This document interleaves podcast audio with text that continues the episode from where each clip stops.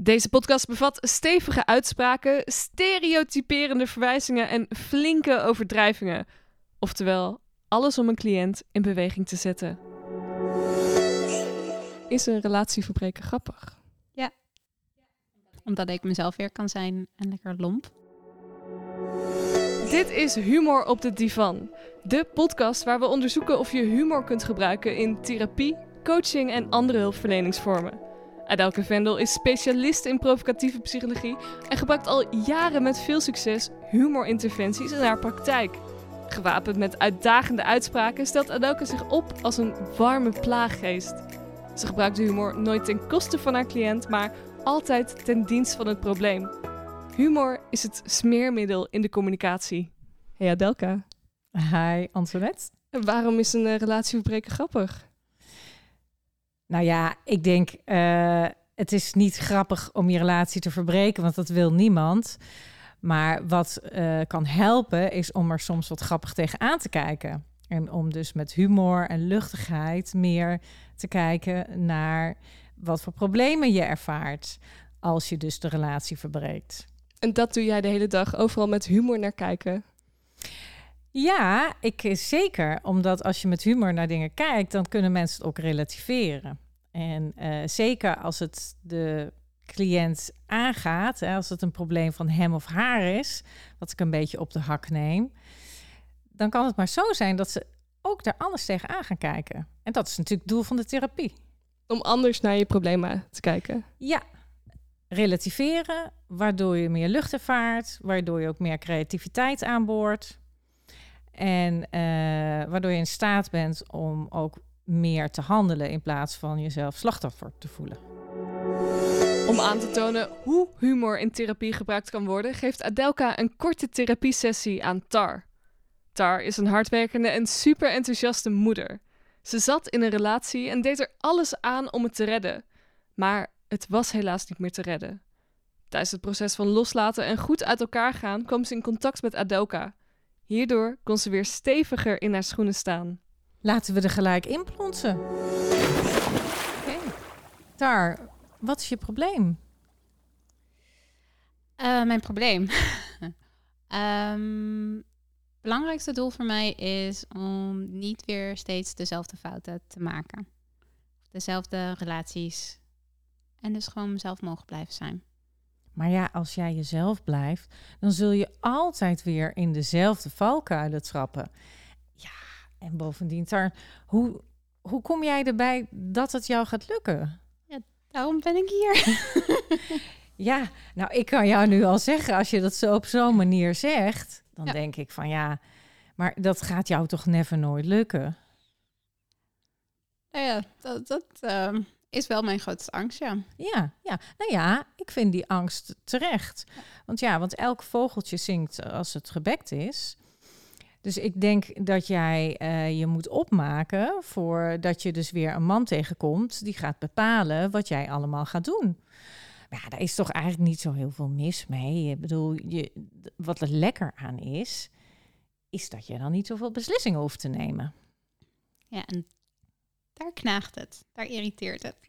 Oké, maar dat je dus dan geen beslissingen meer hebt. Ja. Ja, dat is, beslissingen maken kost ook heel veel zelf nadenken. Dat klopt. En eh, dat wil ik gewoon weer kunnen, mogen, gewoon doen. Zonder daarin beperkt, per- in beperkt te worden. Om inbeperkt te worden door wie? Ehm, door een partner. Dus mezelf gewoon mogen zijn. En daar gewoon ook stevig genoeg in mijn schoenen blijven staan. Maar hoe, hoe zie je dat dan voor je? Dan ga je dus een partnerschap aan. En dan, dan blijf je helemaal jezelf. Ja. En de ander blijft ook helemaal zichzelf. Ja. Nou ja, dat zijn dus twee mensen die helemaal zichzelf blijven. Dat lijkt me dat die twee ook heel snel weer uit elkaar gaan. Dus ik vind het juist goed dat je ook een beetje beweegt naar de ander toe. Ja, maar niet zodanig dat je jezelf verliest. Ja, maar jij kan niet anders. Dat klopt. Want zodra iemand zegt, nou, we gaan gewoon hier twee keer links, drie keer rechts, dan denk jij, Pleasen. ik ga dat doen voor jou. Ja. Als jij dat leuk vindt, dan doe ik dat. Ja. ja. Dus het onderliggende is het pleasen. En dat is ontzettend mooi aan jou. Kijk, daarom weet ik zeker dat je weer een man tegenkomt. Dat weet ik echt zeker. Want mannen houden daarvan. Er zijn altijd zoveel haai bij vrouwen. Die zeggen, nee, nu is het mijn tijd. En nee, ik doe lekker niet wat je zegt. Ik ken er heel veel. Nou ja, en dat zou ik wel iets- meer voor mezelf willen zijn. Ik wil gewoon niet meer die fouten maken. Dat, ehm, ja, Eh, Als je niet meer, niet meer fouten wil maken, dan Nou zou ik zeggen, dan zouden we hier van de dak af moeten springen. Want het wordt een beetje moeilijk. nee, maar de, mezelf te vaak wegcijferen. De, de, Wat is daar slecht aan om jezelf weg te cijferen? Het is zo'n mooie eigenschap. Het is heel vrouwelijk. Het is heel liefdevol. Heel veel mannen die klagen bij mij juist van god, die vrouwen tegenwoordig, die zijn allemaal zo dat ze allemaal een eigen weg moeten en willen ze het zelf doen. Maar als ze dan een schilderij moeten ophangen, nou dan mag ik komen opdraven. Nou, dat hebben ze bij jou niet, want jij wil pleasen. En als hij dan gewoon iets lekker eten wil, of, of eh, ik weet niet waar je heel goed in bent, of een massage, of, of, of lekker naar hem luisteren, dan doe je dat. En als hij dan een schilderij moet ophangen, dan zegt hij, nou, dat doe ik even voor je tar. Dus ik vind dat een hele gezonde interactie. Wat is daar mis mee? ehm, nou, op het moment dat het niet meer gezond is, is het niet oké meer. Dus dat het toxisch gaat worden. Dat het, Toxisch. Waar heb je dat dan weer gehoord? Dat is dan weer psychologisch correcte gelul ergens. Het toxic relationship. Het komt zo uit de Amerikaanse eh, ad. Ja, het scheelt eh, dat ik ook half Amerikaans ben. Ja, precies. ja. Moet Zo. het ergens halen. Dus dat is ergens waard daar rond in dat Ja. land van eh, beware of toxic relationships. Juist dat. Ja, ja. Nee, ehm, het is meer het gevaar dat het doorslaat naar het te. Naar het Dat je een soort deurmat wordt. Ja. Ja, nou ja, Dat. dat is ook nodig. Ik bedoel, deurmatten zijn ook nodig. ja. Maar niet in een menselijke vorm. Ja, nou ja, dat kan ook eens lekker zacht. Ik bedoel, Daar Ja. ben ik al pudgy voor. het is goed voor de stria en de cellulitis. gewoon een beetje zo masseren. Een beetje, dan zet je er gewoon een bordje bij. Ja, lekker zachtjes graag. Nee, maar ja, Ja. Nee, maar kijk, maar jij kan niet anders. Jij bent het gewend. Je bent gewend om je wil dan los te laten en om de wil van de man dan te volgen. En dat is juist soms zo mooi. Ah, Soms ja. wel. Maar het gaat, of het is in mijn ervaring eh, altijd ten koste gegaan van mij. Ja, dat is een kleine prijs die je moet betalen. Maar het is een hele grote prijs geweest die ik betaald heb. En dat wil ik niet meer. Kan je niet. Nee, ik wil het niet meer. Dat is een andere woord. Nou, maar ik, nee, maar dat, dat, hoe wil je nou, je bent, je bent 37 jaar of, of eh, eh, ben je zo geweest en, en nu wil je ineens veranderen. Ik bedoel, dat, dat, dat kan niet. Jawel. Want als ik het zelf wil, dan kan ik toch veranderen. Nou ja, hoe je het nu zegt, dan denk ik, nou nee, dat, dat, dat, is het nou, is het gelukt? Nee. Nou dan. Maar Heb je de afgelopen tijd iets gedaan waarvan je zou kunnen zeggen, nou, dat, is een, dat heb ik op eigen kracht, eigen mening gedaan? zeker. Heel veel. Oh? Absoluut. Maar wat is er dan zo speciaal aan een man dat je dan denkt dat het daar niet gaat lukken? Ja, en dat is wat ik achter wil komen. Waarom is het... Ik kan het, als ik niet in een relatie zit, kan ik heel erg voor mezelf opkomen. En voor Mm. mensen om me heen kan ik het ook. Voor je kinderen. Ja. Daarom ben je een leeuwin. ja. Ja, Ja, extreem. ja. Eh, maar Nou als ja, ik het in een had relatie, dan, dan niet. Dan, dan op de een of andere manier raak ik dat kwijt. Dominante vader. Oké, check. Daar kom je nooit meer vanaf. Ja, maar... Dat doet pijn. Mhm. Ja. Maar daar zit hij. Oh, echt? We just got started. Oké. Mm. Ah, dit is wel heel, het is heel raar om te zien, want er zijn als je alleen maar luistert, zoveel best wel harde dingen gezegd. En nu wordt er zo heel lief een, een, een handje over een been gehaald van komt wel goed hoor, schatje.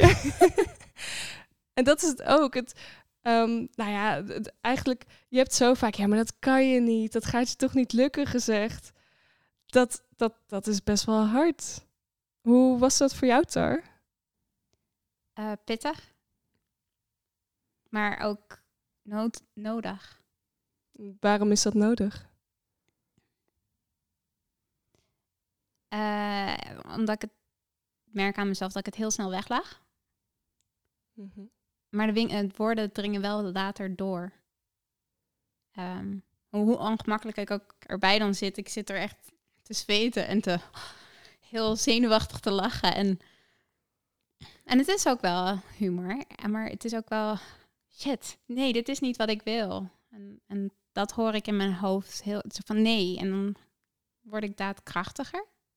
Zo voelt het in mijn hoofd. Dat ik er dan harder tegenin wil. En dus Hm. Ik wil er wat mee gaan doen. Ik, ik wil me er niet zomaar bij neerleggen dat het, dat het oké, ja, dat is het. En dat it. Mhm. Geloof ik niet. Ja, en, en dat, dat, zelfs dat ontroert mij, om, om, omdat ik dus dan echt zo mooi het effect zie. En het is best een gewaagde methodiek, maar ik zie gewoon, omdat ik jou zie en omdat we elkaar kennen, maar ook als ik mensen niet ken, van eh, dat het een soort onontgonnen terrein is wat heel veel mensen zou kunnen helpen. Omdat die kracht verzamelen, die krijg je pas als je ja, op deze manier het is ook een beetje tegenwerking. Hè? Het is humor met tegenwerking. Als je dat bij mensen doet. Maar ik word geen moment belachelijk gemaakt. Mm. Er zit geen spot in dat ik dat, dat het mij niet gaat lukken. Zo van je daagt me meer uit op die manier van oké, maar waarom? En dat geeft mij weer moed om er nog harder tegenin te gaan in mijn hoofd. Hm. Om me er niet bij neer te leggen. Ja. Nou ja, en, en ik denk dat dat alleen maar kan als wij ook een beetje grappend met elkaar contact hebben. Dat ik dit soort dingen kan zeggen. En daarom is die humor ook zo belangrijk voor mij in die therapie. Want dan kun je dus ook tegen iemand zeggen: Ja, u lijkt mij gewoon een hopeloos geval. nou ja, wat ik op een gegeven moment heel mooi vond was van, eh, oh, hoe ga je dat dan doen? Is het al gelukt? Nou, nou dan. en het mooie was, toen deed Adelka juist een soort van hele bocht van, maar heb je iets gedaan wat dan wel lukte? En dat was zo mooi, want jij zat echt helemaal, ik kan het wel, ik kan het wel. Zie je, maar ik kan het ook. En dat was zo mooi ook om te zien, zeg maar, jouw hele gezicht ging ook van, nee, ik kan dit wel, naar, naar twijfel, naar, oh, maar het is ook laatst gewoon gelukt. Dus inderdaad, de humor te gebruiken, maar ook een beetje de tegenwerping. Dat je steeds scherper krijgt op wat voor gebied het dan niet lukt. Want daar moet het de therapie over gaan. Het moet heel gericht zijn. Ja, want maar je gebruikt ook heel veel zijweggetjes. Eh, De, je ging helemaal over pleasen. Je ging eigenlijk helemaal pleasen belachelijk maken. Maar dat zorgde er wel voor dat je daardoor, eh, nou ja, makkelijker antwoord kon geven. Of hoe, hoe zat dat? Nou ja, de, de, ja ehm, klopt het. Er zijn wel zijweggetjes inderdaad even geweest om toch naar die deur daarachter te komen. Om, want je verbergt toch heel veel. Maar ik wist ook niet dat het gewoon heel simpel ook gewoon kon zijn uiteindelijk. Wat bedoel je met simpel? En die dominante vader, dat boem. Oké, bum. En dan daarmee klaar. Ja. Tenminste, dat was voor mij zo boem. Ja. Klaar, dat was het antwoord. En Ja. En I'm screwed. Ja. Tenminste, dat is de, de conclusie daarbij in mijn hoofd dan. Oké, I'm screwed. Ja, en, en toevallig weet ik dat, maar ik zou dat ook bij ieder ander snel zeggen. Omdat het eigenlijk is de most obvious, hè, dat wat het meest voor de hand liggende, is ook vaak het meest ware. En ehm, Ja, maar om, daar kom je niet zelf. Tenminste, ik kwam er niet zelf. Dat het gewoon, oké, nou dat. Mm. En dus door die zijweggetjes, door even daar een beetje te proeven. Zo voelt het dan. Of daar even te checken, even dat een bevestiging. Alsof je daar een beetje die clues bij elkaar aan het zoeken bent. En dan, hup, oké, nee, dit is het. Nou, zeven minuten therapie. Zo Ja. snel kan het gaan. Wauw. Maar eh Adelka, hoe zit het dan? Wat zegt de wetenschap hierover? Humor helpt bij het omgaan van stress en stressvolle live events. Nou, dit is natuurlijk een live event. Het uit elkaar gaan met je partner. En wat ze hebben gedaan is dat ze mensen met stressvolle events hebben ze eh, humorvolle filmpjes laten zien. En de mensen die dus de humorvolle filmpjes keken, die konden beter omgaan met de stressvolle situatie dan de mensen die het niet gedaan hadden. Dus er zat ook een controlegroep in. Maar humorvolle eh, filmpjes, dat kan gewoon een cartoon zijn of zo. Ja, precies. Dus dat gaat dan over ja, een cartoon, een cabaretstukje of zoiets. Dat is ook al genoeg om eh, beter in je vel te zitten. Ja, een humorinterventie is, is eh, sowieso al beter. En wat ik dus vermoed, maar goed, daar doe ik zelf onderzoek naar, is dat als het gericht is op het probleem van mijn cliënt en daar is dan humor omheen, dat dat nog meer werkt, omdat het ook aanhaakt bij de emoties van de cliënt. Die vindt dat vervelend of vindt dat een lastige situatie. Maar niet alle humor is goed. Daar is een onderzoeker geweest, de Martin, en die heeft eh, gezien dat er vier soorten humor zijn. Er zijn dus goedaardige humor en schadelijke humor. En er is humor waardoor je jezelf beter gaat voelen. Dus gebruik je om jezelf beter te gaan voelen. Of je gebruikt humor of om anderen beter te laten voelen. Nou, en als psycholoog gebruik ik dus die goedaardige humor, waarvan ik weet dat anderen zich daardoor beter gaan voelen. Dus dat is wel iets wat je zult moeten trainen.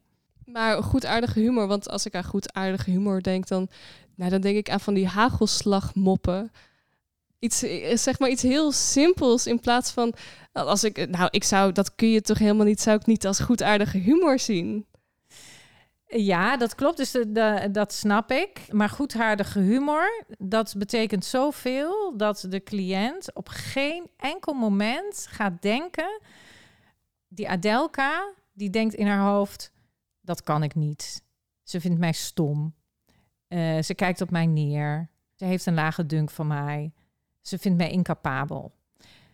Dat is goedaardige humor. Dat die gedachte, dat de cliënt merkt van dat heeft zij niet in haar hoofd. De grapje is eigenlijk gemaakt om een soort eh, veld dat tussen ons is, bijvoorbeeld spanning of, of verdriet over het probleem, om dat wat luchtiger te maken. En dat is goedaardige humor. Maar heb jij dan nooit dat je tegenover iemand zit en denkt, oh jeetje, ik mag niks slechts denken, want dan is het slechtaardige humor. Maar ik weet niet hoe ik hier een eh, goed grapje over moet maken. Ja, dat is heel mooi wat je zegt. Dus je zegt echt, als, je, als ik bij een cliënt zit die ik echt gewoon maar lul vind. Ja, ja, precies. Nou, dan zeg ik dat gewoon. En daardoor is het weg. Maar ik ben ook getraind om altijd het positieve. Dus ook een lul is, heeft een positieve kant. Namelijk dat hij heel veel dingen kan doorbreken. Of dat mensen eh, naar hem luisteren. Of dat hij voor elkaar krijgt wat hij wil. En dat benadruk ik dan. Hè? Dus eh, wat ik dan doe is dat ik het ook gewoon kwijt kan. Op een grappige manier. Hè, door het voordeel ervan in te zien. En eh, daardoor zit het me niet in de weg. Ik eh, ga dit wel ervoor een keer gebruiken als ik een lul tegenkom. Van, je bent een lul, maar jij hebt ook goede eigenschappen. Ja, en dan moet je echt benoemen wat voor eigenschappen. Dus daar, ja, daar moet je je wel in trainen.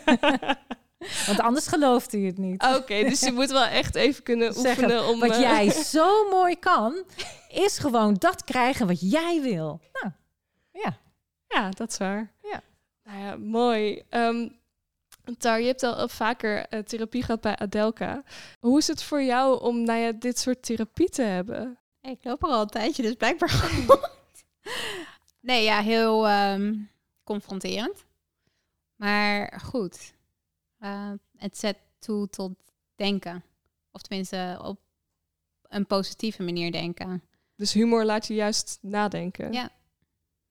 Maar dan op een positieve manier. Ja, dus en zonder oordeel, maar ook zonder oordeel naar mezelf. Ehm, en dus dat weer verder denken eh, of verder durven kijken naar wat er nog meer daar ligt. Of achter ligt, achter die gedachten en dat soort dingen. Dus ja, voor mij werkt het wel. En het maakt het luchtiger en het maakt het ook realistischer. Dat ik dan ook even weer van, oké, dat hele zware wordt er afgehaald. Dat, dat kan zo bedrukkend op je zijn. Dat alles, dat is negatief en de wereld is slecht. En, En het is zwaar en het is allemaal stom. Maar door dat relativeer je toch wel wat meer. Dat je denkt van, oké, aha, sure. Nee, dat klopt niet. wat is het nou echt? Er moet gewoon veel meer gelachen worden in de wereld. Eigenlijk wel, ja. En wat neem je mee uit deze zeven minuten sessie? I'm screwed. Oké, klaar jongens, dit was het. ja, nee, dat wordt nog veel therapie, Adelka. Ja, met plezier. nee hoor. Ehm, luchtigheid, realistisch. Ehm reëler gaan durven, mogen kijken. Het is oké. Dat neem ik mee. Het is oké. Kan, eh, kan iedereen humor gebruiken in therapie, Adelka? Eh, als je het wil, ja. Eh, moet je wel leren. Want zoals ik zei, je moet bereid zijn om de goede kanten van allerlei eigenschappen te kunnen zien. En eh, sommigen kunnen het van nature, maar de meesten hebben daar wel even hulp bij nodig om te weten hoe je dat moet doen. Zonder dat je de cliënt eh, oprecht eh, of echt kwetst. Oprecht een lul noemt. Ja, oprecht een lul. Maar dat je dat. Je moet eigenlijk oprecht onoprecht zijn. En dat zegt mijn collega van mij, Karin de Galan. En dat klopt. Dankjewel Tar voor je openheid. Dankjewel Adelka voor het plagen. En ik was Antoinette, je podcast-host. En vond je dit leuk? Geef dan 5 sterren in je favoriete podcast-app. Wil je nou zelf een 7 minuten sessie in de podcast? Stuur dan een mailtje met je probleem naar podcast.vendel.nl. Dat is V-E-N-D-L. Dus met één E. Wil je meer weten over provocatieve therapie? Check dan even de website van Vendel. Of volg ons op Instagram op provocatiefpsycholoog. Adelka, wil jij nog iets kwijt? Wees lief en provocatief. Ik moet zeggen, ook al heeft het maar zeven minuten geduurd, ehm, het kwam best wel binnen. Uh, ik merkte in de dagen daarna vooral ehm, dat het best wel impact had. En vooral het deel, ehm, dus that I'm screwed. En daarin zag ik dat ik dus daar heel veel moeite mee had met het omarmen of het accepteren van de situatie. ehm, dat, nou ja, wat Adelka tijdens de sessie al benoemde, dat het ook wel een hele mooie eigenschap is, het pleasen. Ehm, en er is eigenlijk inderdaad niks mis mee. Ehm, en daar merkte ik voor mezelf dat ik daar heel erg in gevecht tegen was. In plaats van het te omarmen en dan te gaan kijken wat zijn de andere mogelijkheden. Ehm, dus dat heeft een beetje ervoor gezorgd dat ik ook ben gaan leren of proberen te leren. Gaan kijken naar welke keuzes heb ik dan. Oké, dit is wie ik ben eh, als gevolg van of gewoon sowieso. Ehm, maar het is wel wie ik ben, dus hoe ga ik ermee om? En daarin gaan leren, meer in, steviger in mijn schoenen gaan staan. En beter beseffen dat ik ook gewoon een keuze heb. En kijken wat dat gaat teweegbrengen. Dus ben benieuwd, wordt vervolgd.